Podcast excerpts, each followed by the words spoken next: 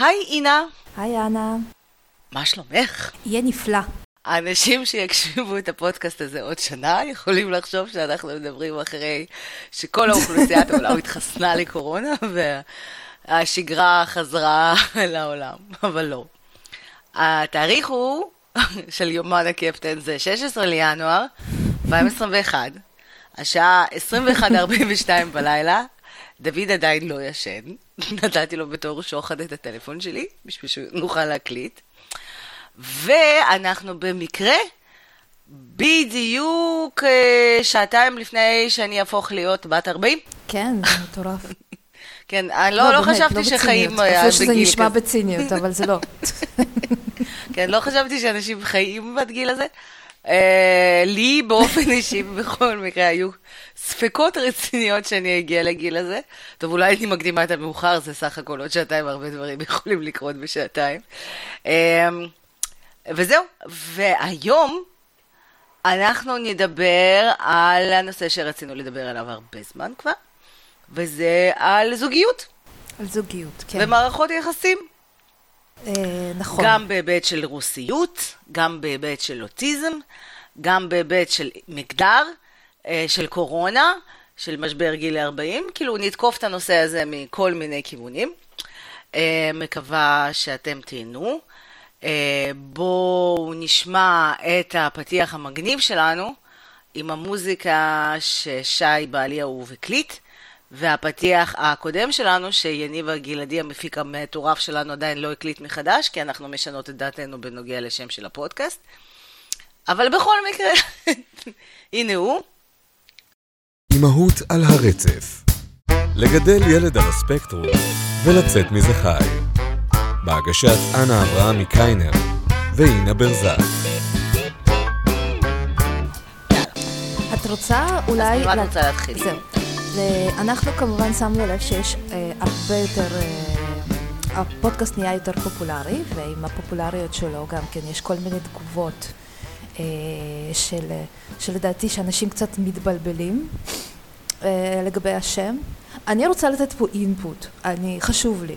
אני פשוט חושבת שיש אנשים שפחות אכפת להם והם באמת אה, יותר צוללים לתוכן וכיף לנו, להם איתנו וסבבה לנו וזה, סופר נחמד ובאמת זה, אבל מאוד מאוד חשוב לי להסביר למה אנחנו קוראים לעצמנו אימהות על הרצף, אוקיי? אני חושבת שזה חשוב. אז אחד, אז אחד הדברים אה, שאני, כשאני חשבתי על השם, אה, הוא על עיקרון הרצף של פיאז'ה, שזה בעצם איזושהי תיאוריה התפתחותית של שנות ה-70, שמדברת שבשביל שיש איזשהו רצף של שלבים ושל אה, של, בעצם של אה, תמיכה בעצם שצריכה להגיע מהסביבה עבור הילד, כדי שהוא בעצם יתפתח בצורה תקינה, אוקיי? ו... במילים אחרות, צריך כפר בשביל לגדל ילד. זה לא סיבת תוצאה, מה שאתה תכניס תוציא. אלא מיליון השפעות. נכון. גוונים שהם משאירים חותם. בנוסף לזה, כשאני חשבתי על הרצף, מעבר לזה שזה הרצף האוטיסטי, זה הרצף של החוויות, של העליות והמורדות והחוויות הטובות משולבות עם החוויות הפחות טובות ו, והרכבת ההרים המטורפת הזאת, שבעצם הרצף שלה מייצר אצלנו את, ה, את התפיסה של לגבי זה מהי אימהות. אוקיי? והאימהות היא גם אימהות כתפקיד, וגם אימהות שלנו כמישהי שפשוט הוציאה ילד מהגוף שלה ונהייתה אימא שלו. אז, אה, אז יש פה איזשהו משחק מילים סופר מגניב כזה וזה, שאני ממש אהבתי. אבל כשאני חושבת על זה... האמת שלא הייתי מודעת לזה שאנחנו כאלה עמוקות. נכון. את יודעת, זה כמו... ראיתי איזה פרק ב-The Big Bang, ש... איך קוראים לזה? ששלדון מגיע עם חולצות אה, והכתוב, אה, ועל החולצה כתוב, אה, יש לו את הבחור הזה שהוא שונא, קוראים לו וויל וויטון. כן. והוא כתב וויטון קרשרס, וכולם הבינו את זה אחרת. הוא הבין את זה, זה שהם הדורסים של הוויטון, אבל כל האחרים כתבו שהם חשבו שזה בעצם שהם כאילו מאוהבים. כן, אבל זה גם בגלל ששלדון הוא אוטיסט. אני יודעת, והוא מבין אבל- את כל הדברים- האלה בצורה מילולית, ולא נכון. מבין קונטקסט, וסאב קונטקסט, וסאב סאב קונטקסט, עם רפרנסים אה, תרבותיים, מדעיים וכן הלאה, שזה אולי מה שקרה לאנשים. אה, שלאו. דווקא אוטיסטים, אבל פשוט מבינים ותופסים את ה... כאילו, את הכתוב, את הבנת הנקרא כפי שנשמע, זה לא נשמע טוב, זה נשמע כאילו אני מתנשאת, אבל אני לא. בקיצור, אנחנו לא תופסות תחת על אף אחד. אנחנו, דבר שאנחנו פשוט הכי חשבנו על מתמחות שם בו, מגניב שבדיוק, שיתפוס את העין ויתפוס את האוזן, כן. ו- ו- ו- ואפרנטלי זה עובד, וגם, שוב, אני קיבלתי את המתנת יום הולדת שלי, אני עד עכשיו אמרתי שלא קיבלנו שום תגובה שלילית, זה נורא נורא הלחיץ אותי. לא בקטע שאני לך. רוסיה סדו-מזוכיסטית, כן, קיבלתי, ביקשתי, קיבלתי. יקומי היקר, תודה, סבבה, אתה יכול להירגע.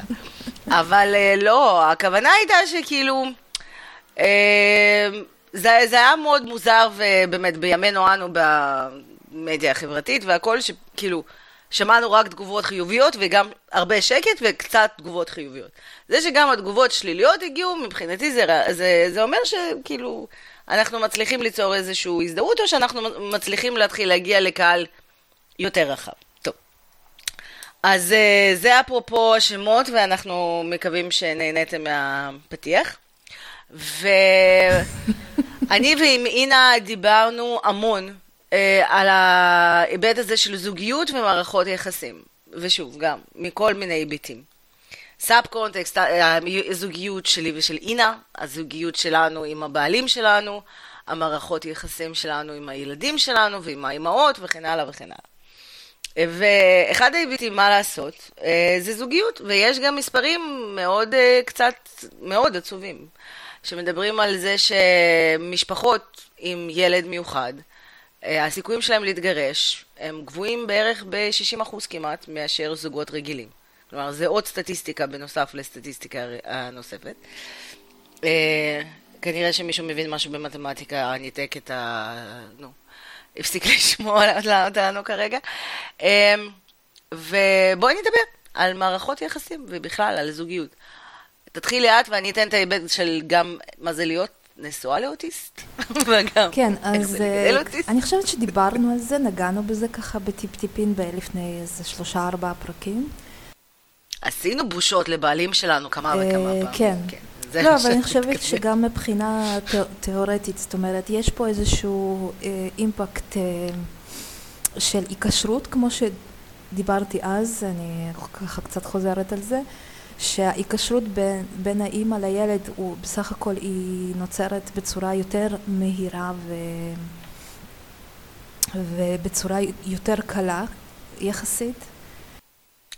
אני אומרת היא יותר יעילה, כי גם אימהות מקבלות עזרה של הורמונים. בואי. נכון, נכון, ו- ואין מה לעשות בואי ניתן בתהליך את של הפור ה... הזה, בת- זה לא שהם אה, נכים רגשית, למרות שהם כן, אבל גם אנחנו מקבלים בוסט קטן לא, ובואי של נדבר גם הורמונים. על החלוקה של התפקידים, אוקיי? בק- ב- אה, כל- כל אחת שהיא בעצם מחליטה להעניק, תבלה יותר זמן עם התינוק שלה, וההיקשרות שלה תהיה יותר עמוקה מאשר אה, הבן זוג שלה. וההיקשרות עם, עם הילד אה, בעצם מתחילה להיווצר כשמתחילה התקשורת. וכפי שאנחנו יודעים, עם, באוטיזם זה, זה לא קורה. אה, כל, זה, גם אם זה או קורה, שזה זה קורה קורה בצורה... ומקרטר. בדיוק, זה קורה בצורה אחרת, ו- והיא, והתקשורת היא אה, קלוקלת, בוא נגיד ככה, ו- ו- ובעצם יש מלא מלא מחסומים ו- וכל מיני דברים. ואז כשזה לא נוצר, הרי בואו בוא נחשוב על משפחה טיפוסית, שאימא יוצאת לחופשת לידה, האבא בעצם ממשיך אה, אחרי אה, שלושה ימים, שבוע במקרה הטוב, אה, בשגרת הוא העבודה חוזר שלו. לחיים שלו. בדיוק, הוא חוזר לחיים שלו, ו... ואת נשארת עם הילד, ו... והוא בעצם רואה את הילד די מעט, הוא רואה אותו קצת בבוקר, והוא רואה אותו שעתיים שלוש בערב, ו... ובעצם, וכשהילד לא מפתח את שלבי ההיקש... התקשורת שלו בצורה תקינה, שזה מתחיל לקרות בערך בגיל שנה, אם אני לא טועה, אז uh, נוצר שם קרע, ו...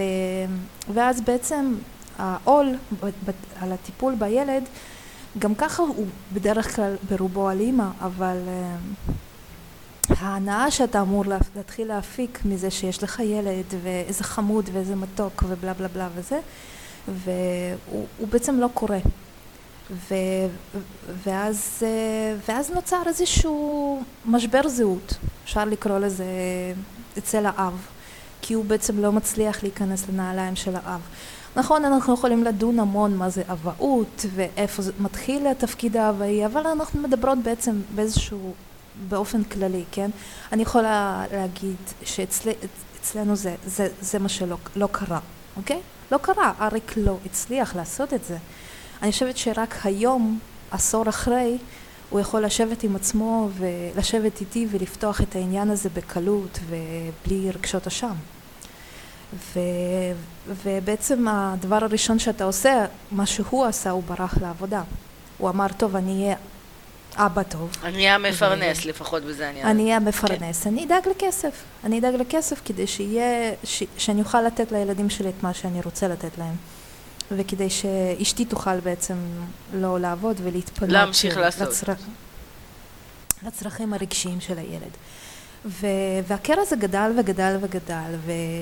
ואצלנו לפחות זה היה, נפל מאוד על, אה, אה, על, ה... על התחושה של... בוא נתחיל מזה שאימהות היא תפקיד, זה תפקיד שהוא לפחות בהתחלה מרגיש נורא נורא בודד, אוקיי? התחושה הזאת שהוא חוזר לשגרה שלו והחיים שלך אף פעם לא יראו יותר כמו, נכון. כמו לפני זה, וגם אם את לא רוצה שהם יראו כמו שהם היו לפני זה, כי אין מה לעשות. אז בעצם זה, זה יוצר אצלך איזשהו משבר זהות ללא קשר עם הילד אוטיזם או, שיש לו איזושהי הפרעה או שזה פשוט תינוק נורטיפיקלי רגיל. אה, ו, וה, וה, ואם באיזשהו שלב לא נוצר הקשר הזה, זאת אומרת אין את החלוקה הזאת של שאני מרגישה שיש לצידי בן זוג שהוא נכנס לתוך הנעליים של האבהות, נוצר, אצלי לפחות, נוצר תחושה של אה, לא עול, אלא סוג של אבל, כן, כי, כי, כי ההרגשה של, של העול הבלתי... נגמר. הענק הזה שנפל עליי, היא פשוט, היא ממוטטת אותי. ומשם לבעיות, לכל מיני, לשברים קטנים, לסדקים קטנים שהופכים לשברים, לקרעים ולתהום, היא מאוד מאוד מאוד חזקה ואני באמת אה, שמחה שאנחנו הצלחנו באיזשהו מקום לבנות גשר כי אנחנו כבר היינו בתי יכולה לדבר. רציתי כאילו לחזק ובאופן כללי להגיד שיש לי חברה טובה שאמרה לי כשסתיו נולדה, אצלה נולדה הילדה השנייה והיא אמרה אין אימא שלא שונאת את בעלה. אין אימא שבשלושה ארבעה חודשים הראשונים לא שונאת את בעלה ואלה שאומרות שזה לא קרה להם אתן משקרות או לנו או לעצמכן, בואו. כי זה לא, כי כאילו אני גם, כן, אכן, כן, כאילו אני שנאתי אותו על זה שהוא חוזר לחיים והכל בסדר ולא... אימהות זה תפקיד מאוד בודד.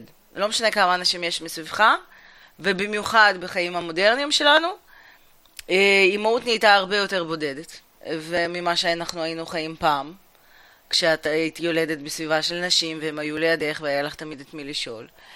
אמ, ואני תמיד גם אומרת שהורות זה חרא תפקיד, בלי אוקסיטוצין.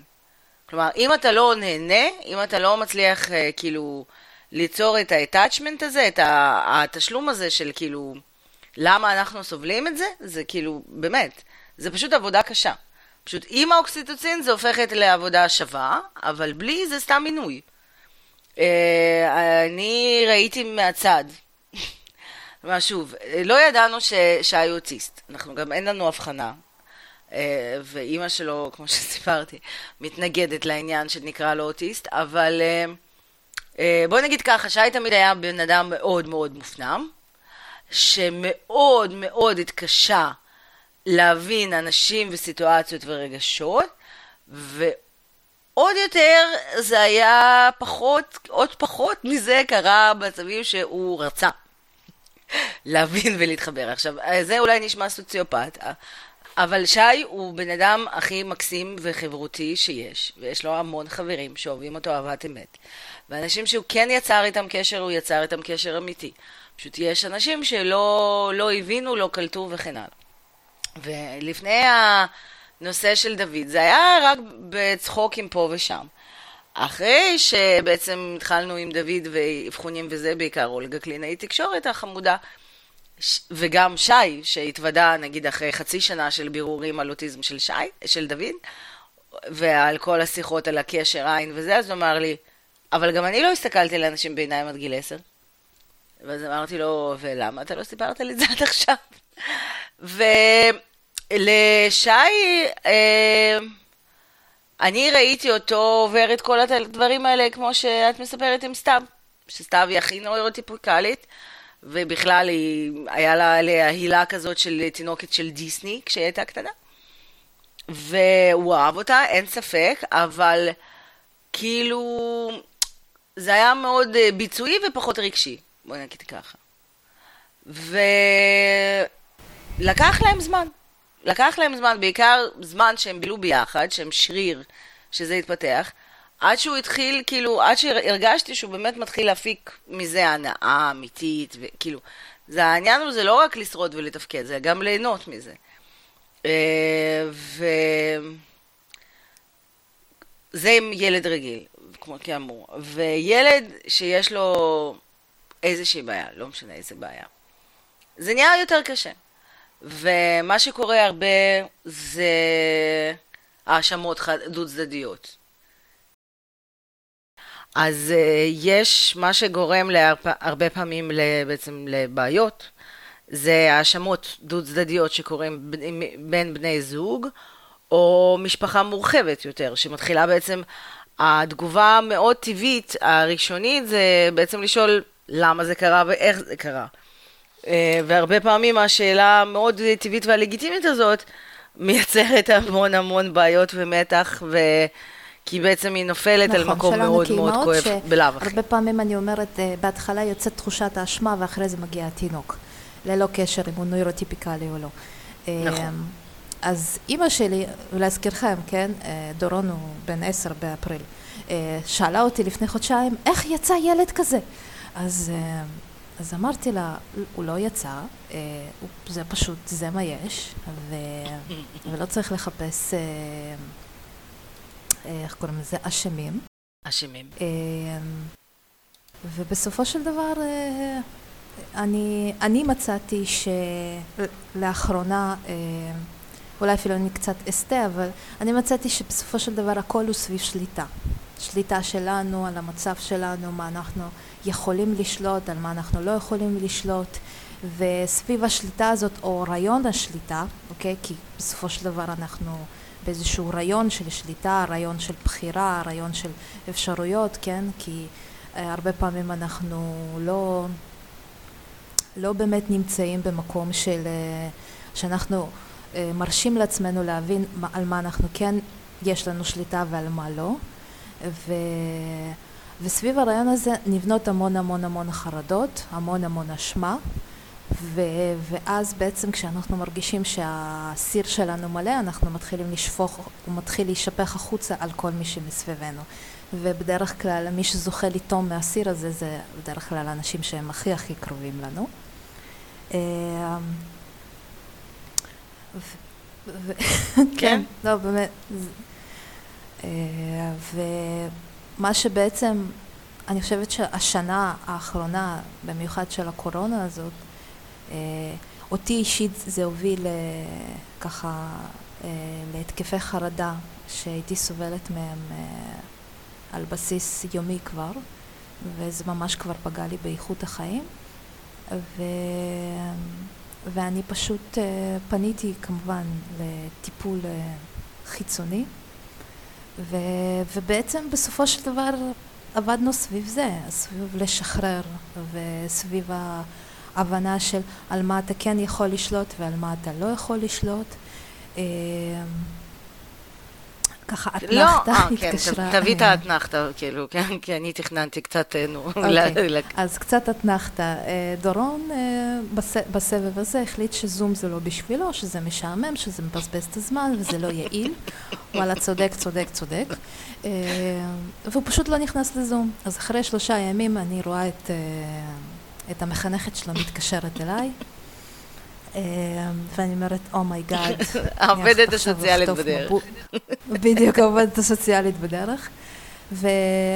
והשיחה מתחילה בזה. היי גלית, מה שלומך?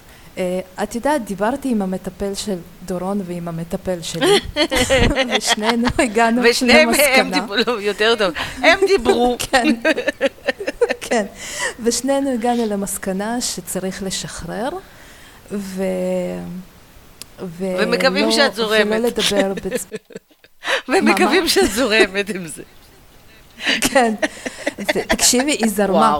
היא אמרה לי, הדבר הכי חשוב לי זה שהוא לא משתבלל, כן. מהמילה שבלול, ושומר על קשר עם, עם, עם החברים שלו. ובסך הכל הוא ילד חכם ונבון, ומה שחשוב לי זה שהוא באמת אה, לא, לא, לא ירגיש איזשהו סוג של בדידות. ותקשיבי, היא כל כך הפתיעה אותי, שאני אמרתי, וואו, זכיתי. לא, אבל היא כבר כמה פעמים מאוד אה, שמחה אותנו. כן, אני יודעת, אבל אני בטראומה. אני, להזכירכם, אנחנו באנו מברית המועצות. כן, מה זה כשמורה מתקשרת, זהו, אוי ואבוי. זהו, נגיד, היום הולדת שלי הרי יוצא תמיד ליד ט"ו בשבט, ובט"ו בשבט תמיד, זה, זה התקופה של הכאילו תעודות וכאלה. את יודעת, בכמה ימי הולדת שלי לא קיבלתי מתנות. כי הם קיבלו על הראש. כי, כי, כי היה את המחצית כן, ומשהו כזה, וכאילו, לא שיבחו אותי בלשון המעטה. אז ההורים של... לא, זה תמיד היה לי, כאילו, אני לא ידעתי אם השנה אני אחגוג יום הולדת או לא.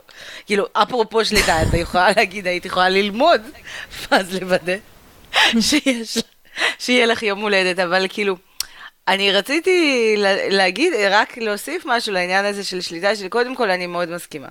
והשנה אנחנו כולנו אה, עוברים שיעור ממש מטורף של מה זה להרגיש לאבד שליטה. שאתה וואלה, אתה לא יודע. נכון. אתה לא יודע אם תיכנס לבידוד, אם תהיה חולה, מתי תראה את ההורים שלך, מתי לא תראה את הילדים שלך, אינשאללה, שיחזרו למסגרות וכאלה, כאילו, כל מיני. אתה לא יודע, אתה חי באי-ודאות מוחלטת. ואנחנו נוטים לחשוב על אנשים שהם כאילו נאבקים על שליטה או רוצים שליטה, כי אנשים כאילו בהיבטים שליליים, בואי נגיד ככה. וצריך לזכור שזה גם נטייה מאוד טבעית של, ה, של המוח האנושי, של התודעה. ליצור לעצמה איזושהי שגרה ואשליה של שליטה בשביל להתפנות לדברים אחרים, זה ממש מאחד הדברים של מאסלו. כלומר, אני לא יכולה לחשוב על מהות ומשמעות החיים אם אין לי מושג איפה אני, כאילו, איפה אני אשן היום בלילה. או כמו שהייתה לי ממש חברה טובה, ושוב, גם את זה חוויתי השבוע, של קשה מאוד להרגיש את הגדולה שלך, או להשתכר מהגדולה שלך כשיש לך נזלת. וואלה, אתה כאילו, אתה לא מרגיש טוב, זהו, הלך, אתה לא, אתה לא, אתה לא עצמך. והרצון הזה של להבין, או לשאול, או כן, להבין ולהציק לאנשים אחרים, למה הילד שלי אוטיסט, או למה אני לא מרגיש טוב מזה, זה משהו טוב, שצריך רק לעודד, ולא להגיד איך אתה מסוגל לשאול דבר כזה, כי גם זה שמעתי הרבה פעמים. אני נגיד, ממש, שוב, אה, בשביל להרגיש יותר שליטה, החלטתי שאני הופכת את עצמי למין אה, ask me about אם אתה לא יודע מה, בנוגע לאוטיזם, ואני חופרת ומסבירה ממש מההתחלה לכל מי ששואל ומוכן להקשיב עד הסוף. Uh, ואני, כאילו, זה גם הסיבה שאנחנו עושים, עושים את הפודקאסט של, כאילו, אנחנו ממש מעודדות אתכם לשאול, להתעניין בצורה מנומסת ככל האפשר, ולא להרגיש רע אם מישהו עושה לך שיימינג, או, או גורם לך להרגיש לא טוב עם זה. יכול להיות שזה אצלו פשוט באותו זמן לא נקלט טוב, אבל אתם בסדר. שאתם שואלים ושאתם מקשיבים לפודקאסט הזה וכן הלאה.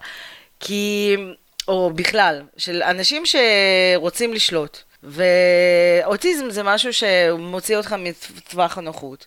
קורונה זה משהו, וזה זה בסדר להיות מאוד עצבני בנוגע לזה וחסר ביטחון ולחטוף uh, זה.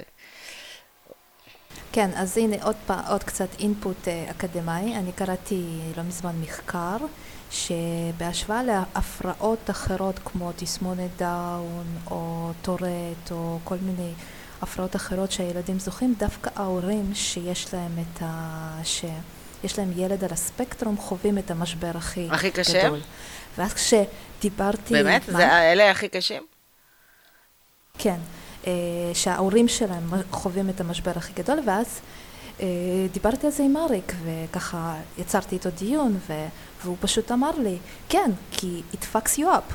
כי הילד הוא כזה הוא קצת נראה בסדר. בסדר. הוא זה לא, לא כזה מישהו בלי רגליים, בדיוק. או שיתוק מוחי וזה שאתה אומר, או, הוא נכה. הוא נראה כזה, בסדר, הוא, הוא פשוט מתנהג. הוא מתחצף אליך כי הוא אוטיסט, או כי הוא פשוט אה, לא בא לו עכשיו. הוא לא עושה משהו כי הוא אוטיסט, או כי זה לא נכון. בא לו עכשיו, או כי אתה, אתה פשוט לא מחנך אותו כמו שצריך. אה, הוא, איך קוראים לזה, לא עושה את הדברים שמצופים ממנו, או שהוא, לא יודעת מה, אה, אח שלו נופל והוא עובר מעליו כי הוא אוטיסט. כי הוא פשוט מניאק, כי, גדלנו ילד מניאק. בדיוק. בדיוק, והמטולטלת הזאת שיש לך בראש, אה, ימינה שמאלה, ימינה שמאלה, ימינה שמאלה, היא פשוט מחרפנת אותך, ואריק אה, אמר לי, זה פשוט גורם לך להרים ידיים ופשוט ללכת לעבודה. ו- וכאילו, זהו, אין לי כוח להתעסק עם זה, זה כאילו, זה לוקח כל כך הרבה משאבים אה, מנטליים ורגשיים, שזה בייסיקלי אותה מילה, סליחה, כן. אה, ואיך קוראים לזה, כדי ל- ללמוד להכיל את זה ולמצוא את הזן, ש, שזה פשוט, אה, זה פשוט מוציא אותך משיווי משקל בצורה מטורפת, וזה הוציא אותי, זה הוציא אותי משיווי משקל אה, וזה הביא אותי למצבי חרדה, וכל אינטראקציה עם דורון בחודשיים האחרונים הייתה מביאה אותי אה, לאיזשהו סוג של חרדה. ותכלס, מה שישב מתחת לזה זה שליטה. ואני יכולה להודות שבשבועיים האחרונים, מאז שנכנסנו לסגר, אני לא יצא, לא יצא ממני מילה לך תעשה, או אני זה, אלא באמת התחלתי לדבר איתו בצורה של אני אשמח, או אני מציעה לך, או בוא תשב איתי ונדבר על זה ונראה מה אפשר לעשות בנידון. אה, וזה כמו אבן שירדה לי מהלב. אני אומרת לך, אני פשוט... ו... ובהתחלה, שלושה ארבעה ימים ראשונים עשיתי את זה דוח, תוך חריקת כאילו fake it until you make it כזה. באמת, ברמה של כאילו, אני מתגרדת כולי ככה. אוקיי? זה כמו שאת אומרת, אני משלבת ידיים שלא יתפלק לי, כאילו, את כן. יודעת. אז... אה, כן? אני ממש ככה. אז, אה, אבל אחרי שלושה ארבעה ימים, הילד, אומנם בשבע שמונה, היה מתיישב, עושה את המשימות שלו לבד, וכשאמרתי את זה למורה, שהוא אה, ככה מוצא את הזמן הזה, מתי שנוח לו, להתיישב על המשימות שלו, ועושה את זה מאיזושהי מוטיבציה פנימית, היא פשוט נמסה לי בטלפון והיא אמרה לי שמבחינתה, כן. זה הדבר הכי חשוב בעולם. מבחינתה הוא מוכן לתיכון כבר, אפילו לאוניברסיטה. ו- וכאילו, וזה מדהים, וש- וכל ילד, לא רק ילד על הספקטרום, צריך לקבל כזאת גישה, וילד כמו דורון, שהוא, שהוא כן יש בו איזושהי מרדנות טבעית ווכחנות שהיא, שזה שני תכונות שהן, אני חושבת שזה סוג של מנגנון הגנה וגם איזושהי דרך שלו להתמודד עם העולם, אז איתו השיטה הזאת באמת עובדת, ו... אני חושבת שזה יעבוד עם כל ילד, עם כל הכבוד, כאילו דיברנו על זה כל כך הרבה. נכון, מה נכון. שאוטיסטים מקבלים כהטבה, אה, כל ילד היה שמח לקבל. אגב, אה, תקשיבי, אגב, דיברתי פעם עם ילדה, שוב, אני מאוד אוהבת לדבר על אוטיזם עם ילדים, שכאילו לא אוטיסטים, והיינו בחופשה, והכרנו שם משפחה מקסימה ומהממת, אה, ו... דיברתי עם הבנות, ודיברנו על דוד, ואני כזה מאוד שמה את זה כאילו בפרונט. כן, הוא אוטיסט, בגלל זה הוא מתנהג מוזר. כאילו, שחררו, לא, לא צריך לשבת ולתהות וזה, ולהתחיל לשאול אותי בצורה מנומסת בין כמה הוא. לא אוטיסט. ואז הילדה בעצם התחילה לדבר איתי והכל, ואז אומרת לי, תקשיבי, זה מה זה לא פייר מה שקורה? כאילו עם הילדים המיוחדים. אז אמרתי לה, מה, מה זאת אומרת? אז היא אומרת לי, כל הזמן אומרים לנו שהם כמו כולם, אבל מתנהג, הם, כאילו המבוגרים, כן? לא מתנהגים כולם, אלינו כן. כמו לכ... לא, לכולם. אמרתי לה, אנא הסבירי ופרטי. אז אומרת, היינו בקייטנה, והיה אחלה וזה, ואז היה צריך להיות כאילו יום כיף, הם מתנפחים. ואז באו ואמרו, לא, ההנחיות אה, אמרו שאין מתנפחים. אוקיי? ואז uh, לכיתות הרגילות לא היה מתנפחים, אבל לכיתת תקשורת הם עשו מתנפחים. כי כאילו, הם קבוצה בטח יותר, קבוצה יותר קטנה, ובכלל הם מקבלים הקלות שאנשים אחרים לא מקבלים וזה. ואז הילדה הזאת אומרת, אומרת, אם הם כמו כולם, אם כולם אומרים שהם כמו כולם, אז שיסבלו כמו כולם. כאילו, מה זאת אומרת? מה זה הטבות הנאה האלה? ואמרתי לה, תקשיבי, כאילו, את צודקת במאה אחוז. את צודקת. כאילו, אין מה לעשות. אה, זה, זה כן כאילו... מין אה, ניגוד עניינים, או זה בין מה שאנחנו אומרים ושואפים לבין מה שקורה לפועל. ושנייה, רגע. והאפליה כביכול כן, המתקנת הזאת וזה, אבל וואלה, אה, כאילו, הגישה המאוד, עם הראש המאוד פתוח ומכיל וזורם ומשאיר מקום וזה וזה וזה, שנהנים ממנה אוטיסטים, גם ילד רגיל לרוב ייהנה. אני כאילו באמת, אני מרגישה רע. על הילדים הרגילים המון פעמים. לא, לגמרי. יש בעייתיות באפליה מתקנת, כן? זה איזושהי אה, חרף פיפיות, בואו נקרא לזה ככה. זאת אומרת, יש פה מצד אחד, אנחנו רוצים לפרגן להם, לתת להם יותר, אה, אה, להכיל אותם, למנוע מהם איזשהו, אבל ב, בצורה אחת, זה כמו, בצ... כאילו זה ביד אחת את מחבקת, ביד שנייה את דוחפת. את יוצרת איזושהי חממה שהיא לא ריאלית לזה. זה כמו בעייתיות עם חינוך דמוקרטי ואנתרופוסופי, שהעולם הוא לא בית ספר דמוקרטי, העולם הוא לא אני בית לא, ספר אני לא. קיבלתי את הטענה הזאת אז, ואני לא אקבל אותה עכשיו, ובוא לא ניכנס לזה של הדמוקרטי, כי זה, נעשה לא, איזה אני- פרק אני לא- אני נפרד לא על זה. זה, זה, אני יודעת, אבל אני פשוט באה להגיד שה, אה, שהיתרון שהם מקבלים שיעורים ויסודות וכלים שהם לא יקבלו בחינוך הרגיל, מצד שני אה, הם לא נחשפים אה, הם סובלים יותר. להארדשיפ. בסדר, אבל זה כמו להגיד אפליה מתקנת, אוקיי? כאילו, אני, אני נגד אפליה אבל מתקנת, אני חושבת שזה כאילו. אפליה עוד יותר גרועה. לא, אני מבינה, בגדול אני גם מסכימה איתך, כן? וואי, פשוט, לא, לא, כאילו, ראיתי, את- הרי עשינו אתמול בין של ארץ נהדרת, וראיתי את החיקוי שהם עשו ל... נו. לבן כספית והבחור הזה שהוא משדר איתו, ואז עכשיו כאילו כל פעם שאנחנו כאילו נתווכח זה יזכיר לי.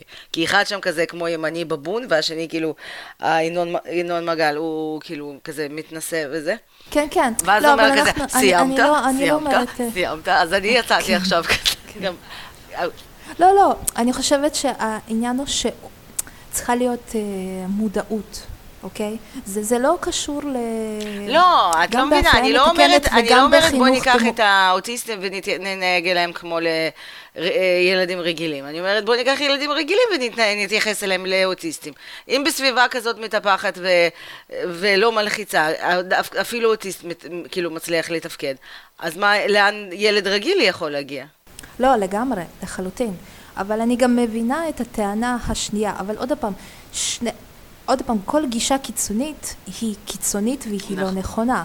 זה, אני יכולה לקחת פה את הפמיניזם, אוקיי? שהיא דוגמה מצוינת, שיש לך נשים שהן מאמינות בשוויון בצורה קיצונית לחלוטין ומתעלמת ומתעלמות מהמבנה הביולוגי השונה וההורמונלי שיש בין נשים לגברים. חתיכת מיזוגנית, איך היא אז, את את את זה- אני יכולה לדבר? על זה, יש לי תואר שני את במגדר. מסבירה לי? סליחה, סליחה. בדיוק. אני יכולה לקחת את הטבעונות, ו- ובואי, כאילו, רק על זה אפשר לדבר. תקשיבי, אצלנו. בעיירה הייתה, היה אה, בדיחה שאומרת שאם אתה רוצה להפוך אה, ציוני לאנטישמי, אתה צריך לתת לו, לאפשר לעלות לארץ. כאילו, זה היה בתקופה של... זה היה בתקופה של כאילו שהיה אסור עדיין. כן, כן, לא, אני לגמרי מבינה את זה, אז כאילו, כל גישה היא מעולה, אבל עוד פעם, זה העניין של איזונים הקטנים ושל החשיפה ושל אה, זה. והבעייתיות היא בבית ספר דמוקרטי או בבית ספר דו-לשוני, לדוגמה שיש לנו פה בבאר שבע, היא באוכלוסיות שלומדות באותו בית ספר. את מבינה שיש פה איזושהי בועה מסוימת שנוצרת של אנשים מאוד מסוימים ששולחים את הילדים שלהם לחינוך מאוד את מסוים. כאילו מתחילה להישמע ו- אליטיסטית מתנשאת שוב פעם. מה- מה זאת אומרת? כאילו... לא, אבל אני, את מסכימה איתי ש-80 אחוז זה כל מיני היפים שמאמינים, אה, כן, אוקיי, יש לי חבר שהגדיר אוקיי, את זה, מה זה טוב. אה, ההורים של המערכות חינוך אלטרנטיביות האלה, וואי, זה נשמע רע, אבל אה, זה עם שיער אפור ובהיריון. אז כאילו, בואי, כן, אז את מבינה כן. את הבעייתיות, אוקיי? זה חוק של ה-80 נכון. וה-20. ו- ואני חושבת שמה שחשוב פה זה לא להפסיק לשלוח, אלא, אלא להעלות מודעות למה שקורה. זה להוסיף את היתרונות אה, בצד. של המערכות חינוך האלה למערכת כאילו- חינוך קונבנציונלית.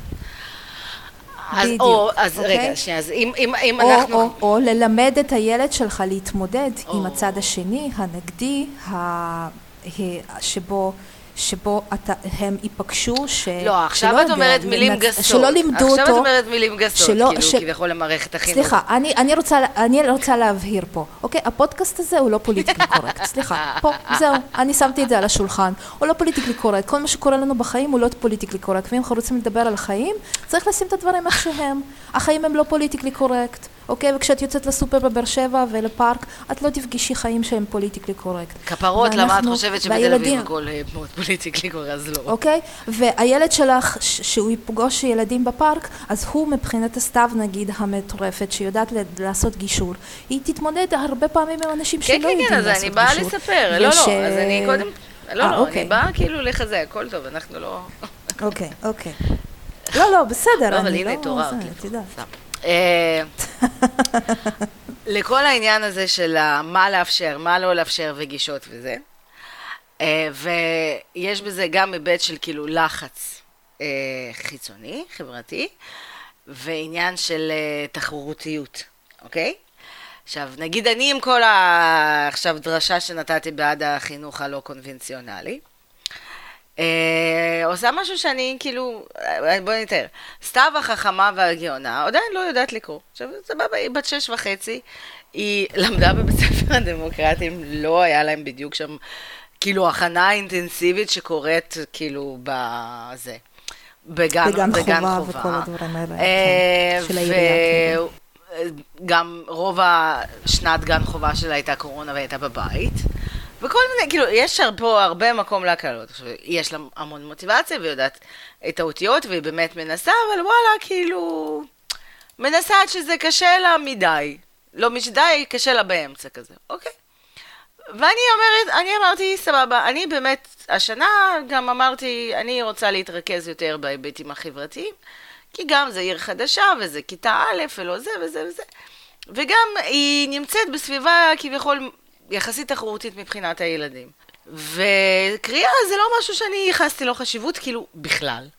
וכמובן שמי שכן ייחס לזה חשיבות זאת אימא שלי, שסיפרה לי שחברה שלה, היא, הילדים, הנכדים שלה, הם כבר עושים אה, שיעורים פרטיים בחנוכה, והם צריכים זה, וזה לא בסדר, שהיא לא יודעת לקרוא, וזה וזה וזה. ואני עד עכשיו אמרתי לה, תשמעי, לא, כאילו, לא, לא, זה לא מדבר אליי, זה לא, ככה, לא, לא, לא, לא, זה לא מדאיג אותי, אוקיי? לא מדאיג אותי, אני יודעת שסתיו תדע לקרוא, תשחררו.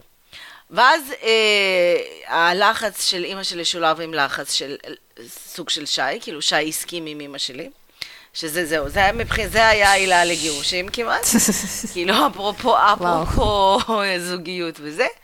כאילו, אני אומרת על משהו בתוקף לא, ואימא שלי חופרת שכן, ופתאום הוא מסכים איתה, באמת, אין לי מושג איך עדיין יש לו דופק. ו... אמ, והם אמרו לי כזה, כן, את חייבת לקחת לה מורה פרטי וזה. אז מה שאני הכרחתי את עצמי לעשות, זה אני שאלתי את סתיו. כי לסתיו זה כן מפריע שהיא עוד לא יודעת, היא לא מצליחה לקרוא לזה עד הסוף. עכשיו, אני הייתי נותנת לה לעבור סיטו... את התחושה הזאת של בושה עוד כמה פעמים, ואז, כאילו, כמו שאני מכירה אותה, זה היה מכניס אותה למוטיבציה. אבל אמרתי, בוא נשאל אותה, כאילו. אז שאלתי אותה, אם היא רוצה, אם היא רוצה מורה פרטי בקריאה? והיא אמרה לי, כן, בטח. אז אמרתי, אוקיי, אם היא אומרת לי כן, בטח, בואי ננסה, כאילו, זה באמת ה-free will שלה, ויאללה. ועדיין, כאילו, יש לנו שיעור ראשון ביום שני אחרי צהריים, ועדיין מאוד קשה לי עם זה.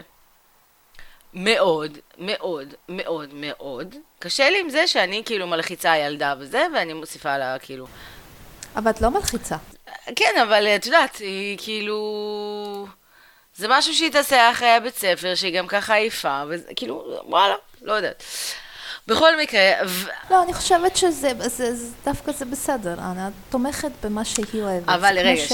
אני נגיד... אה, אבל כן. אני הבנתי שגם איפשהו בתוך זה, יש את מידת התחרותיות שיש לי כהורה בשביל להוכיח לכולם שכמובן הילדה שלי טובה יותר משלהם, וגם מה אנשים אחרים יגידו, וכאילו, מה שמשפיע בסופו של דבר על ההחלטות האלה, איפה לשחרר שליטה ואיפה להוסיף שליטה ולחץ, אה, זה מאוד לא טהור. כאילו, זה לא, אנחנו, כאילו, זה לא... זה לא רק טובת הילד, בטח שזה לא. זה לא רק טובת הילד, זה גם הרבה, הרבה מזה, אנחנו ההורים מעורבים בזה, וזה גם משהו שאנחנו צריכים לקחת בחשבון. זה המערכת היחסים שאנחנו לא, בונים איתם עכשיו, אנחנו... ש... בואי נראה איך, איך זה ישפיע על המערכת היחסים שלנו בעתיד. נכון, אבל בסופו של דבר צריכה לעשות, להגיד לעצמך, אני עושה את המיטב. ודבר שני, אין מה לעשות, אנחנו סוחבים טראומות בין-דוריות, אוקיי? אנחנו סוחבים טראומות והתנהגויות ש... אה, לא יודעת, שסבא שלי נשאר אה, בלי ההורים שלו והיה מסתובב בכנופיה בחוץ וסבא של אריק היה אוכל רצועות, כי לא היה אה, רצועות אור, כי לא היה, איך קוראים לזה, מה לאכול. מה זה רצועות? אה, איך... אנחנו... כן. נו, אין מה לעשות. וקליפות תפוחי אדמה שהם היו מוצאים בזה. אז כאילו, זה לא... יש התנהגויות מסוימות ולחץ מסוים ו- וקונפורמיות מסוימת ממסדית, במיוחד אני חושבת שאצל הרוסים זה מאוד מאוד חזק. כמובן שיש הרבה משפחות שזה גם חזק אצלם, אבל אצלנו הפחד הזה מהממסד ו- כן, כן. וכל הסטליניזם הזה, הוא חדר לנו ל-DNA. ו- ואני, אני זאתי ש, שחוויתי באמת אה, גן מזעזע בברית המועצות עם טראומות שאשכרה הייתי צריכה ללכת למטפלת בשביל לשחרר. אה, עדיין חובה, כשכל פעם מתקשרת אליי המורה, כן. אני חווה איזושהי תחושה של נכון. פחד. אפילו שיש לי, כמו שסיפרתי לכם, יש לי כבר שנתיים מחנכות מאוד מאוד חמודות שבאמת כאילו הכי מקסימות בעולם, הכי לא מלחיצות, הכי הכי זורמות עם דורון, וגם דורון זה ילד שאין לי מה להילחץ איתו, יש לו סקרנות טבעית ללמידה, הוא למד ורכש המון המון דברים לגמרי בצורה עצמאית, זאת אומרת, אני הכי הכי צריכה לשחרר והכי הכי צריכה, ועדיין אני מוצאת את עצמי בחרדות עם עצמי, בסרטים שתבוא לי איך קוראים לזה, שתבוא לי פה, לפה עובדת סוציאלית ותתחיל אה, ותיקח לי את הילד, אוקיי? אני כאילו רצינית ברמה כזאת, שאני חווה את הפחדים האלה. שהם לא רציונליים בצורה שהיא... שהם...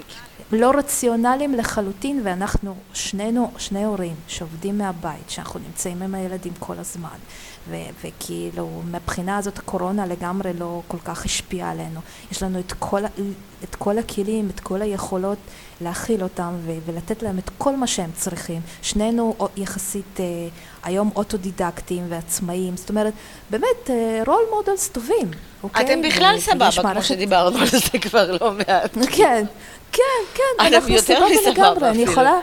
אני יכולה לטפוח לעצמי על השכם, הנה היום אנחנו, אני ואריק התיישבנו באיזה שמונה לראות איזושהי הרצאה, והילדים השכיבו את עצמם לבד לישון. טוב, הנה, כאילו, לא. אני צריכה את זה, אני צריכה את זה, סליחה. אז אוקיי, וזהו, ועדיין, ועדיין אני מוצאת את עצמי בתחושות האלה. ואפילו ש... ו... ולוקח לי כל כך הרבה כוחות מנטליים אה, לא ליפול לאותן תחושות. אה, וכן, אה, סוף סוף הגעתי לנקודה הזאת, אז אני יכולה אה, להמליץ פה על ספר, אה, כל מי שאין לו בעיה לקרוא באנגלית, אה, אז אני עושה ספר נקרא, ויש גם סדרה Little Fires Everywhere. מי שרוצה אנחנו נכתוב על זה גם כן אה, ככה בתיאור של הפרק. אה, זה מדובר על ספר מדהים שמסתכל על אימהות ממשולש של מעמד, גזע ומגדר. בכלל לא פוליטיקלי קורקט, בעצם... מה שנקרא. כנראה. שמדבר על שלוש סוגי אימהות, על אימהות פריבילגית לבנה בארצות הברית, על אימהות שחורה של מישהי שהיא לא, לא קונפורמית, ועל זכויות ואפשרויות של אימהות של מהגרת סינית. אמ, אני, ומה שאני יכולה להגיד לכם בלי להרוס את הספר, שאף אחד מהם לא מאושרת. לא הפריבילגית ולא הפריב... כולן מוצאות את עצמם באותם סללומים, באותם תחושות אשם ובאותם אה, איזשהו תחושות מצפון, כמובן בצורות אחרות, בסיטואציות זה, וזה מדהים לראות איך, הס... איך המחברת ממש מסתכלת דרך הפרדיגמה הזאת, שזאת פרדיגמה מאוד מאוד נפוצה בלימודי מגדר, שבשביל לבחון סיטואציות של אוכלוסיות מסוימות צריך לבחון אותן לא רק מבחינה מגדרית אלא גם מבחינה סוציו-אקונומית וגם מבחינת הגזע. אני מאוד מאוד כי כאמור אנחנו לא חיים בוואקום. בדיוק, אנחנו לא חיים בוואקום, אנחנו... אה, ו, וזה פשוט מאפשר תפיסה שהיא גם כאילו שהאימהות היא תפקיד כל כך כל כך מורכב שללא קשר לסביבה, ללא קשר מאיפה שאת נמצאת, הסרטים הם אה, סרטים אה, מאוד מאוד דומים.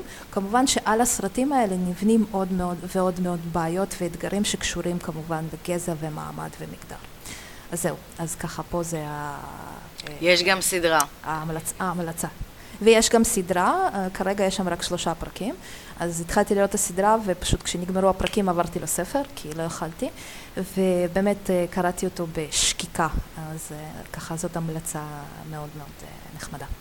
כן. אוקיי, okay, אז אפרופו מגדר, אז כי, לא, תורי, אני לא, אני, אני לא קראתי שום ספר לאחרונה.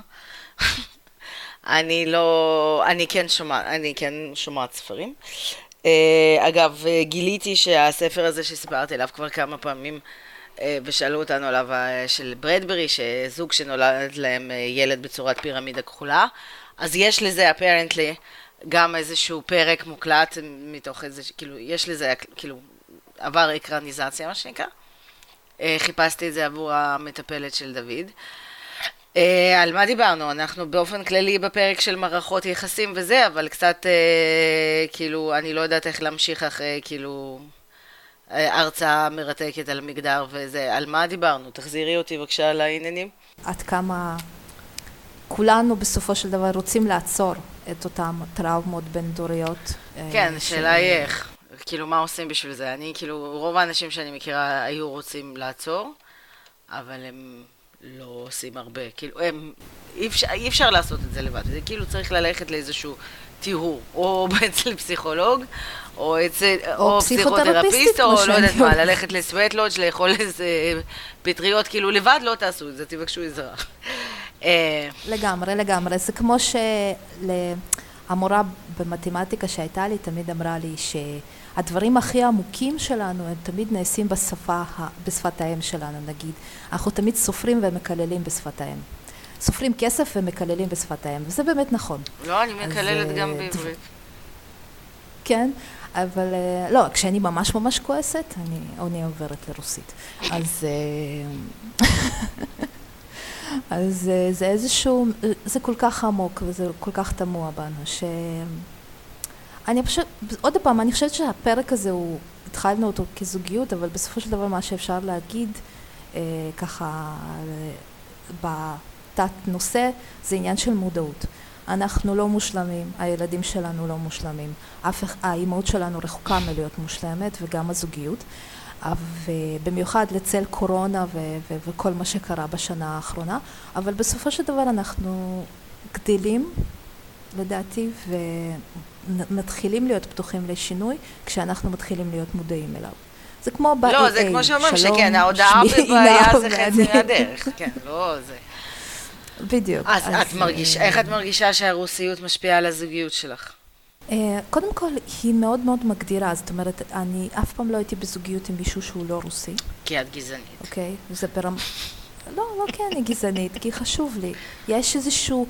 תתי נושאים קטנים, כל מיני בדיחות או כל מיני, לי ספציפית, כן, אני לא, יש המון המון זוגות מעורבים וזה עובד להם וזה לדעתי נפלא ומדהים, אבל אני אישית פשוט לא, אני צריכה שיש את המיני, תבין שכאילו, הרי עוד פעם, אנחנו, אני לא מזדהה את עצמי, מזהה את עצמי, אה, מזהה את עצמי כרוסיה רוסיה, אני איזשהו היבריד.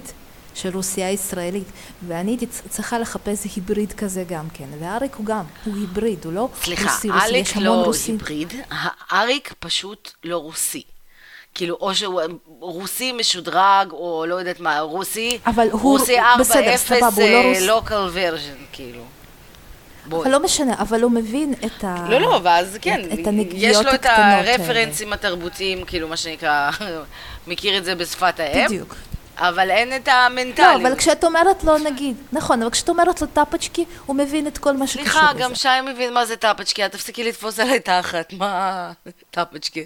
לא, אבל אני מדברת על, על, ה- על האובססיה אני זוכרת. של... כאילו, זהו. ו- וכל הקטע הזה של השולחן הרוסי, וכל העניין הזה של איך את לא אוכלת בשר, וכל מיני דברים כאלה, והקושי הזה שאחרי עשור עדיין שואלים אותי איך אני לא אוכלת בשר. וכאילו, כל מיני... כל מיני דקויות, הנה זאת המילה שחיפשתי, כל מיני דקויות ממש ממש קטנות ש, שאני, לי מאוד מאוד מאוד חשוב ו- ושם בעצם נוצר אצלי החיבור הזה כדי שאני אוכל להרגיש בנוח עם עצמי ו- אה, ו- והכל. ו- אז, אז קודם כל זה. ב- בכל שאר הדברים אני לא יכולה להגיד שאני איזושהי רוסייה טיפוסית אה, מבחינה, מהבחינה הזאת. זאת אומרת, מבחינת גבריות נשיות, אני הרבה פעמים אומרת שלאריק יש מנטליות, אה, כאילו הוא מחובר לצד הנשי שלו, ואני דווקא מחוברת לצד הגברי שלי, אבל בזה במובן, הפוך על הפוך, יש איזושהי רוסיות בי, כי אני גדלתי בבית אה, של אם חד-הורית שתמיד ידעה לעשות הכל וכל זה, ויש את האישה הרוסייה החזקה, אה, שהעובדת היודעת לעשות הכל גם במרחב שתעצור. את הסוס הדוהר ותיכנס לבית ה... לא, סוס דוהר ובית כן. בוער. כן. בדיוק, בדיוק. אז במובן הזה אני כן רוסייה כזאת, שלא, אין לי בעיה להרכיב שולחן מאיקאה, ו, ואין לי בעיה, זאת אומרת, אה, הנה עכשיו אנחנו נכנסים ל... איך קוראים לזה? מעלים אתר בתחום ה-do it yourself. ומי שכותבת את כל הנושאים ובוחרת את כל המוצרים ב-do it yourself בבית זאת אני, זאת אומרת, אה, ו- ומי שמתנסה בהכל אה, זאת אני, ומי שקונה מקדחה עם צרכים מאוד מסוימים לאריק כדי שהוא יתלה תמונות, זאת אני. אז אה, אוקיי, אז, אז במובן הזה אני כן רוסייה אה, במובנים האלה. אבל עוד פעם, יש נשים רוסיות שהן גם מאוד מאוד, יש איזה את הסטריאוטיפ הזה של הנשים הרוסיות, העדינות, המאוד מאוד נשיות האלה. יש את הסטריאוטיפ הזה, אז אני, אני כאילו עוד פעם, זה איזשהו... מאוד מאוד סטריאוטיפי להגיד אני את זה, שמעתי שאני סטריאוטיפ כאילו... רוסי טוב ביום שישי. זה היה מאוד נו. מרגש. הייתי כן. ביוגה, וכאילו, אני לא מכירה שם אף אחד כל כך, כי אני חדשה בשכונה וזה. ואיכשהו התחלנו לדבר על ה... אה, על האור ואיך אנחנו נראות וכאלה וזה, ואז אמרתי לה, כן, יש איזה רוסייה ברוסיה, שכאילו מהחברה הזאת, ריביטוניקה, אנחנו גם, זה כמו שיש לי חברות שאומרות שאני יותר מדי פעמים אה, בתקשורת איתן אומרת, חבל שאת לא יודעת רוסית. אה, בקיצור, יש איזה רוסייה כזאת שהיא רופאה וזה, שמלמדת איך לעשות מסאז' כזה פנים וצוואר לעצמך, בשביל להיראות צעירה יותר וטוב יותר. ובמקום להזריק בוטוקס וכאלה. ואז אה, אמרתי את זה, ואז גם המורה וגם אחד הבנות שהיו שם אמרו, טוב, נו, מה את משווה? אתן הרוסיות, יש לכם אור אחר, אתן תמיד יפות. וכזה אמרתי, God damn, כאילו, את, כאילו, הם כזה אמרו, אתן מזדקנות יפה. אמרתי, fuck, פעם ראשונה, אני שמעתי סטריאוטיפ טוב, כאילו, שמישהו מקנא בי. ואז היא כאילו, זה, היא אומרת, כן, ואתם יודעות לשמור על עצמכם, ואני יודעת מלא טיפים מהרוסיות, איך זה, נגיד לשים את הקרם של הפנים בתוך המקרר, ולמרוח על, בבוקר אה, כדור קרח, וזה, ואמרתי לה, כן, וכל הכבוד וזה, אז היא אומרת, כן, זה הסודות שלכם, בגלל זה אתם כאלה יפות, ואז אמרתי, God damn, פעם שנייה, אשכרה זה קרה, כאילו. אה, וואלה, פעם ראשונה שכאילו ייחסו לי איזה משהו שהוא לא היה כאילו מעליב ממש. זה היה כיף. אה, מאוד אה, כאילו מעודד. אה, באופן כללי, כאילו נגיד זה גם משהו, זה לא שאני, זה, כאילו זה לא שרק נשים רוסיות מאוד דואגות למראה שלהם, אבל אה, מבחינת האחוזים, אין ספק שכל הנוגע אפילו לא המראה שלהם, אלא לשמר את ה... כאילו, צעיר, את האור הצעיר או את המראה הצעיר כמה שיותר זמן, זה, אנחנו שולטות, כאילו הרוסיות, כן? אנחנו שולטות בזה. כאילו, אני לא מכירה באמת אה, שום מידע או מדינה שיש שם נשים גם בגיל 50 ו-60 ו-70 וזה, שמאוד מאוד מקפידות איך שהן נראות, כאילו שוב, יחסית באחוזים, אל תיעלבו וכאלה, אל תתחילו.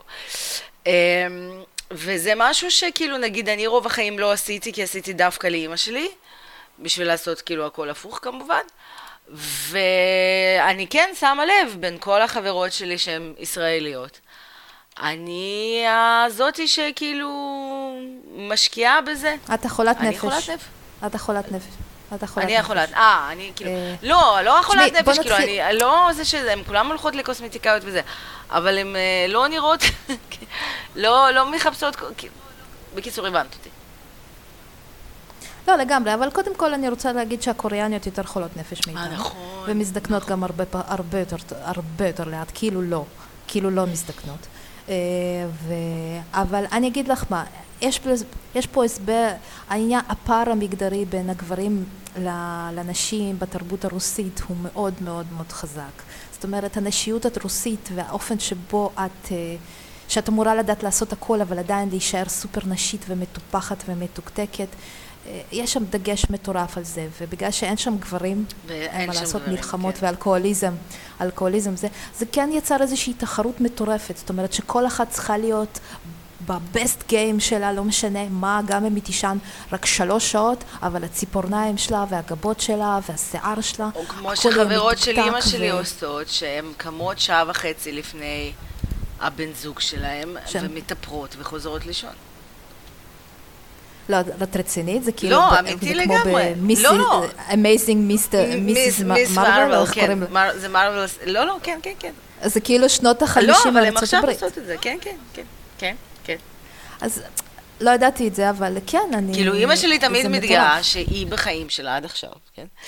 אה, היא בחיים שלה לא נצפתה מחוץ לבית, לא מאופרת. אמ, ש... תשמעי, אבל מצד שני זה, זה, זה, זה עבודה מטורפת, זה השקעה מטורפת. כמובן שמבחינה פמיניסטית ומגדרית זה מזעזע, אוקיי? זה אבל מזעזע, אם זה עושה להם כאילו. טוב, אם אבל, ככה אה, הן מרגישות, זאת הנשיות מבחינתן. אימא שלי אגב מגדירה את זה בצורה מאוד מעניינת, היא אומרת שככה היא אוהבת את עצמה. נגיד כשאני לא הייתי עושה את זה, לא הייתי נגיד מורחת את הקרמים ומקפידה לשמור על שגרת אור, בלה בלה בלה בלה בלה. היית אומרת לי, אנה, למה את לא אוהבת את עצמך? והייתי אומרת לה, אני אוהבת את עצמי, אני לא רוצה לעשות את זה, לכן אני מרשה לעצמי לא לעשות את זה. אני ממש סבבה עם אני עצמי. יודעת, אבל- והייתה אומרת לי, לא, את לא אוהבת את בדיוק- עצמך. אם היית אוהבת, היית מטפחת את עצמך וכאילו עושה כל מיני דברים. נכון, אבל זה, זה העניין של תפיסת העצמי, זאת אומרת, של, זה אפילו לא תפיסת העצמי, זה, זה עניין של הזהות שלך, ואותה חינכו, שאהבה עצמית מתבטאת ככה. שווה, ששווה ערך בעבודה מאוד מאוד קשה, ובתוצאה שהיא בעצם מוערכת מבחינה חיצונית. ואת, כמרדנית, למדת בצורה, שזה מהמם לדעתי, כן? שאהבה עצמית מתבטאת בערך שהוא נובע מה- מהפנים, מהקבלה העצמית, מההכלה העצמית, שהיא היא הדרך הבאמת הבריאה והפחות אה, נוירוטית לחיות. אה, אני זכיתי באימא שבאמת לא מתאפרת, ומקסימום מורחת קרם בצורה כמו בנאי על, על, על, על, על, איך קוראים לזה? אה, באמת, כאילו, היא אף פעם לא עשתה את זה, היא תמיד גם קיבלה את זה, אישה מאוד אה, גדולה כזאת, והיא ממש אוהבת את עצמה בעניין הזה, אבל אה, סבתא שלי ודודה שלי הן מאוד מאוד מקפידות על זה, ומאוד מאוד ככה אה, מדויקות. אני חושבת שיש לזה איזושהי בעייתיות, אבל עוד פעם, זה עניין של משחק, כי פמיניזם הוא עניין של בחירה ומודעות. אוקיי? זה בדיוק בין, לאזן בין בחירה למודעות בסופו של דבר. אם עושה לך טוב להיראות טוב, אוקיי? ואני חוט... אני כזאת, אוקיי? אני מאוד חשוב לי, ו... ואני מבחינתי להיראות טוב זה להיות גם בריאה, אוקיי? בסופו של דבר. אז אה, אני משקיעה בזה וכיף לי וסבבה ואני באמת מקבלת סיפוק, המון המון סיפוק מה, מהעניין הזה. אז הכל בסדר. אבל עוד פעם, זה עניין גם של איזון. זאת אומרת, לדעת לאזן בין הדברים האלה, ו- ואני לא אשב עד שתיים בלילה, אה, אעשה ציפורניים או גבות או עניין כזה, זאת אומרת, ואין לי בעיה לצאת בטרנינג ו- וקוקו שלא נגעתי בו ולהקפיץ את הילד לא, לא, מה אה, פתאום, לגן, אסור לעשות, כאילו. מה קרה לך? לא, אני רצינית. לא, אבל זהו, אז כאילו, זה עניין של דקויות ובחירות, ו- ובאמת שלא שופטת אף אחד, אבל בסופו של דבר, מבחינתי אהבה עצמית היא באמת, בעניין הזה לתת אמ, פחות אימפקט לסביבה ויותר אימפקט במה שזה עושה לך טוב. ו- וזה ככה, זה מה שחשוב לי כאילו להבהיר פה, שאף אחד לא, באמת לא תיעלב חס וחלילה, אבל אני באמת אה, מכבדת כל בחירה וכל אה, זה, אבל מה שחשוב זה שזה לא יבוא על חשבון ה... האני שלך באמת. שוב, אבל אנחנו חופרות למוות, עזבי. אה, לא, אנחנו לא, לא אבל אנחנו... אנחנו מדברות על נושא מאוד מאוד נכון, חשוב. זה מצד, זה באמת נושא חשוב. מצד שני, תקשיבי, כאילו... איפה זה מתחיל, איפה זה נגמר? נגיד שוב, כאילו... אני מרגישה למשל שהרוסיות שלי, נגיד מבחינה, מבחינת הזוגיות שלי, אה, מתבטאת אה, גם כאילו, נגיד בתפקידים בבית, ו... אה, וכאלה, ו...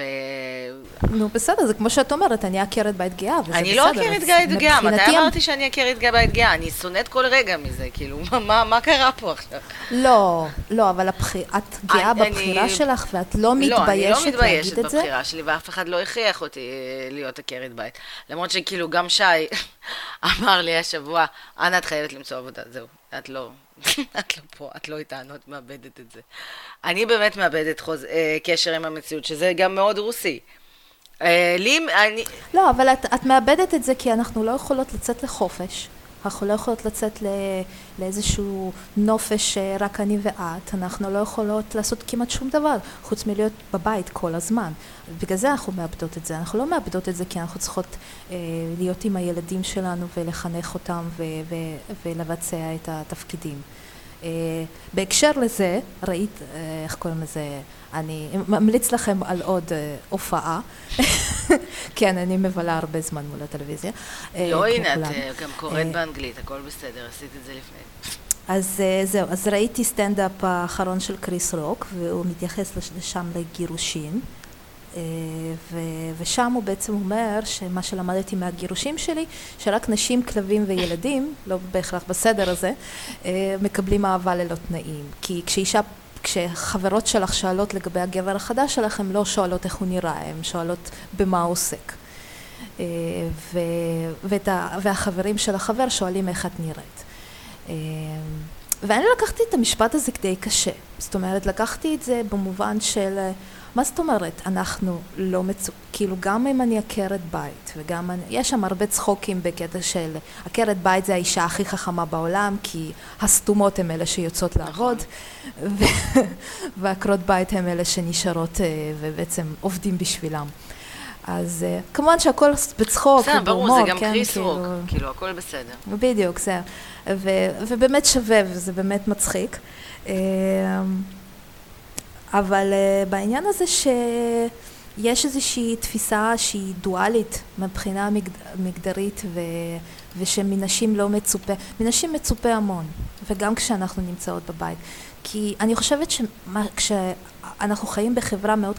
קפיטליסטית שנמדדת ב... אה, בכסף ובאופן שבו, נשכח העניין הזה שכשאת עקרת בית את נותנת עוגן רגשי אה, מטורף לכל מי שנמצא בתוך הבית.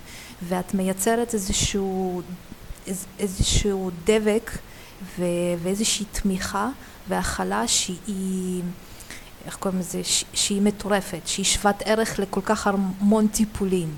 שלא לדבר על זה שהיו מחקרים בשנות ה-70 וה-80 שלקחו ופשוט אמרו אוקיי סבבה בוא ניקח את כל מה שהיא עושה ונעגל את זה בכסף וזה בערך יוצא 32 אלף שקל מה שעקרת בית עושה, אוקיי? 32 אלף שקל, כן, שמעתם את זה טוב, שאם אנחנו נעשה sourcing out לכל מה שאנחנו עושות, לכל עבודת החינם הזאת שאנחנו מדברים, אנחנו לא נכנסת לזה בכלל, אז אה, קחו את המספר הזה ותשימו אותו על השולחן. אז זה מה שעולה העבודה שלכם, אז אה, אף אישה לא צריכה כאילו, להרגיש...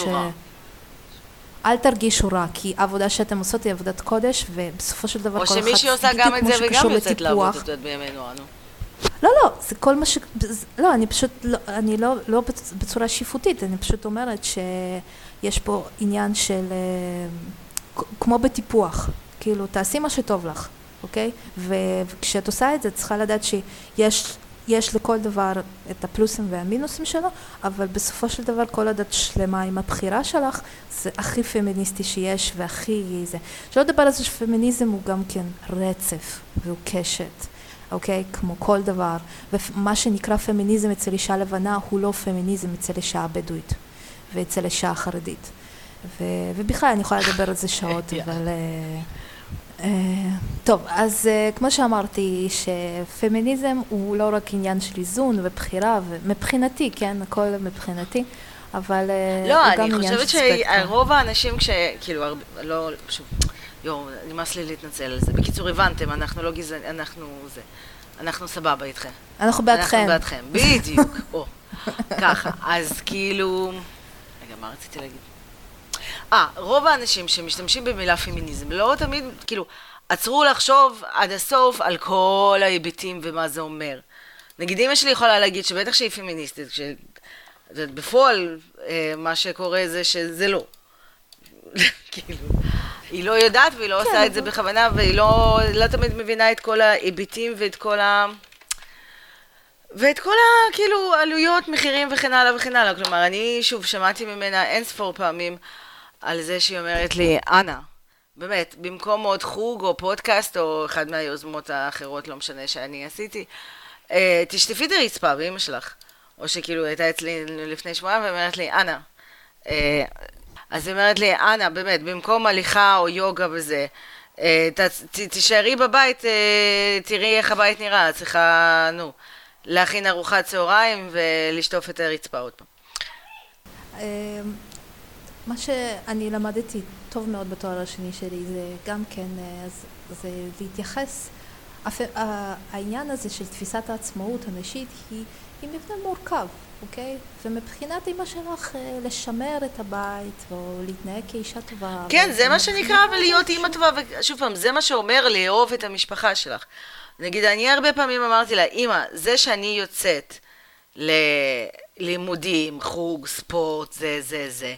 זה מה שמאפשר לי להיות אימא טובה. במקום זה, אני אהיה עצבנית יותר, אני אהיה פחות סבלנית, ואני גם בפנים, בפנים, בפנים, בפנים. אני אתחיל כאילו לזכור להם את זה, שכאילו אני אתחיל לנהל את זה, הנה הקרבתי את זה ואת זה ואת זה, ואף אחד לא יצא מזה מורווח. אה, אבל שוב, זה, אני לא יודעת מי נקי מזה, אם יש מישהו נקי מזה, אבל רוסים הכי פחות נקיים מזה שיש. לא, אני לגמרי מסכימה איתך, אה, אה, וזה מחזיר אותנו לתחילת הפרק. פה, זאת התחושה אצלי לפחות מצטברת, שפה כשנולד ילד, אוקיי, ואת לא יכולה לעשות את זה, יש פשוט דברים שאת פשוט לא יכולה לעשות את זה בחודשים הראשונים, בשנה הראשונה הזאת, עד שאת מתאקלמת, עד שאת מוצאת את, את השיטות ואת הדרכים שלך, ופה בעצם מתחיל להצטבר המין איך קוראים לזה, המטען השלילי הזה, ובסופו של דבר הוא מתפרץ. אה, מאוד מאוד מאוד חשוב לדעת, אה, לתת לעצמך את המקום הזה של הלנוח ואיך קוראים לזה? בקיטור ואני איתך לגמרי שמבחינתי חשוב שיהיה בית מבולגן וילדים מאושרים מאשר ילדים ב... אה, שאיך קוראים לזה? בית נקי וילדים אומללים. בדיוק. אז כאילו אני לגמרי מסכימה איתך. ו... זהו, אני חושבת שאנחנו... אפרופו אה, לנוח, מיצינו את אה, הנושא. כן, בדיוק. אני, לא, לא בקטע של בואי נסיים את הפרק.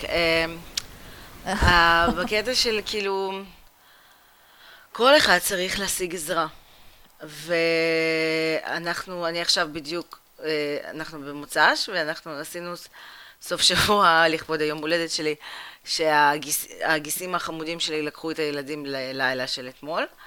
ובמקום ללכת למלון, אני ושי נשארנו בבית, כי מה יש, אתה יודע, סגר וזה.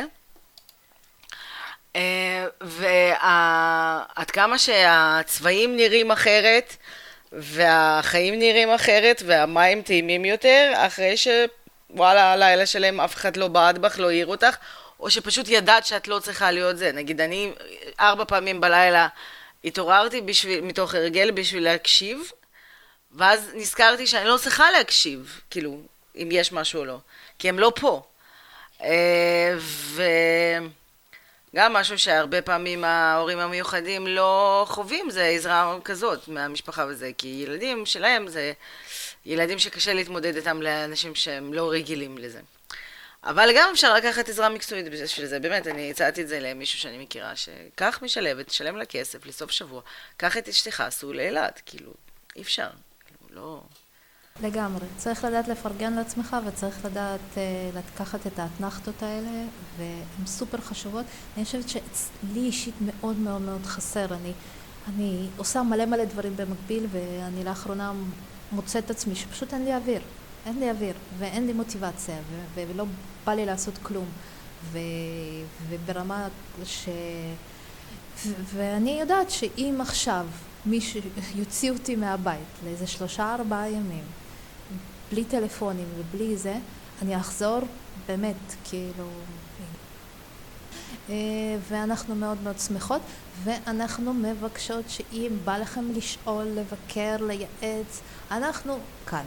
ו- ואנחנו רוצות את זה, ותכלס אנחנו סגורות בבית, ותנו לנו, תנו לנו להתעסק במשהו, אוקיי?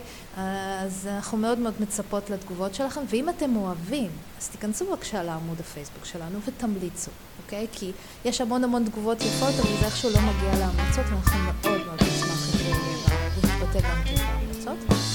אה, וזהו.